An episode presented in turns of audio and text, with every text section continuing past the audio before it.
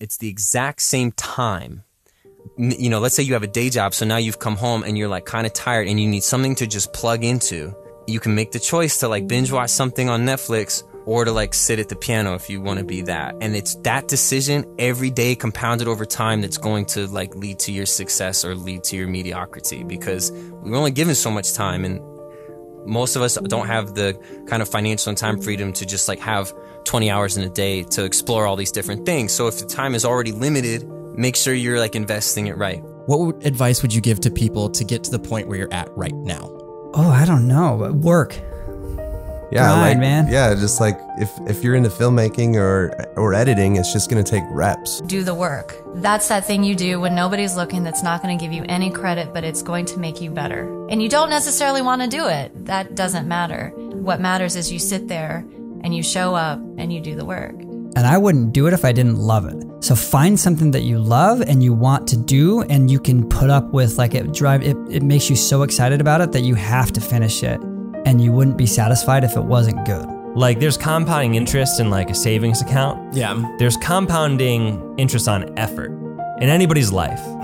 your work when you start out it's gonna suck it's you're gonna be discouraged it's not gonna look like what you think it should in your head um, but if you just keep digging and digging and digging and digging and get out there and you give a f- uh, someone at some point will give you a chance. And what you do with that chance is that's on you. If you're just like cool i got a check and you go and blow it and then you can't buy materials and you f- it off like that's on you. Take the l. But um you can't give up. The crazy thing is, is when it's not obvious to everyone else. Like if you have it in your head right now, I need to capitalize on this moment in my life because this opportunity that I have in front of me that I can see, this vision that I have is big and I need to capitalize on it right now. There's no waiting. Like in a sense, that's how I started vlogging. Was was that. Nobody else really saw it, but I saw it and went for it with that sort of uh, ferocity. One thing is finish things. That's one thing that I've been thinking about while we've been sitting here. Everybody can start something. Oh, I got a great idea. And you start, you know, like, man, finish it. A million started songs is nothing, man. Because things need to get done. If it's gonna show up on TV, if it's gonna show up on the internet or whatever, it has to be done. You can't be a, I had a great idea, you know, like it has, you know. So seeing a project all the way through, and when people see that you see projects all the way through, then they hire you to do projects that they need to be finished. You know what I mean? one piece of content can change your life. And it might not be the exact way you think. It might not be, you know, I make the Casey Neistat video and he blows it up and like I get 20,000 subscribers overnight. Just take the opportunities and don't be afraid, even if like fear presents itself in some way. I think diving in is really like the only way to go about it. You have to decide what matters to you. It's deep. And you have to decide how you want to live in light of that.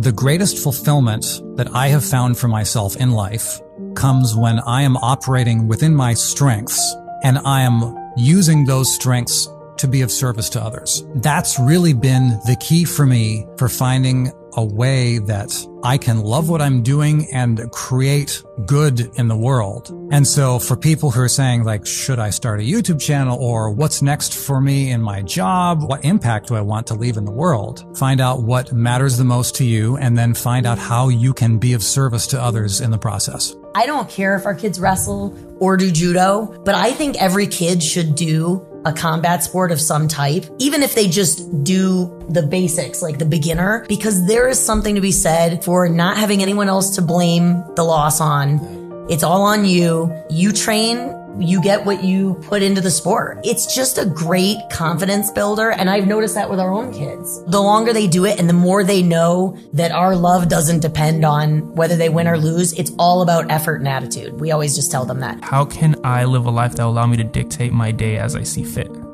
It wasn't so much like, oh, I need to be making all this money or I need to be this. It's just, I just want to wake up and know that my day is going to go because that's how I planned it, right? I don't have to go somewhere because somebody needs me there. Am I doing what I love every day? And I am. If I can make art and branding and design and help people grow their businesses and any kind of marketing, whatever, it doesn't matter what it looks like. As long as I'm being creative, I'm happy. I would say, you know, as a kid struggling to find meaning, whether that's making enough money or doing something fulfilling, I would say find a mentor. Yep. You know, you could have friends to talk to, but find somebody that maybe is older and has some kind of success to make you super uncomfortable. As far as, you know, goals for making a million dollars this year or whatever, it's like those don't matter to me as much as who are you? How do you want to show up? What's important to you? And what kind of life are you trying to build? Boom. Man, if you are not getting fired up, like, like just this is a bite-sized chunk. Thank you so much for your time. Yeah, dude. Until next time, live that life of abundance, and I'll see you guys on the next one.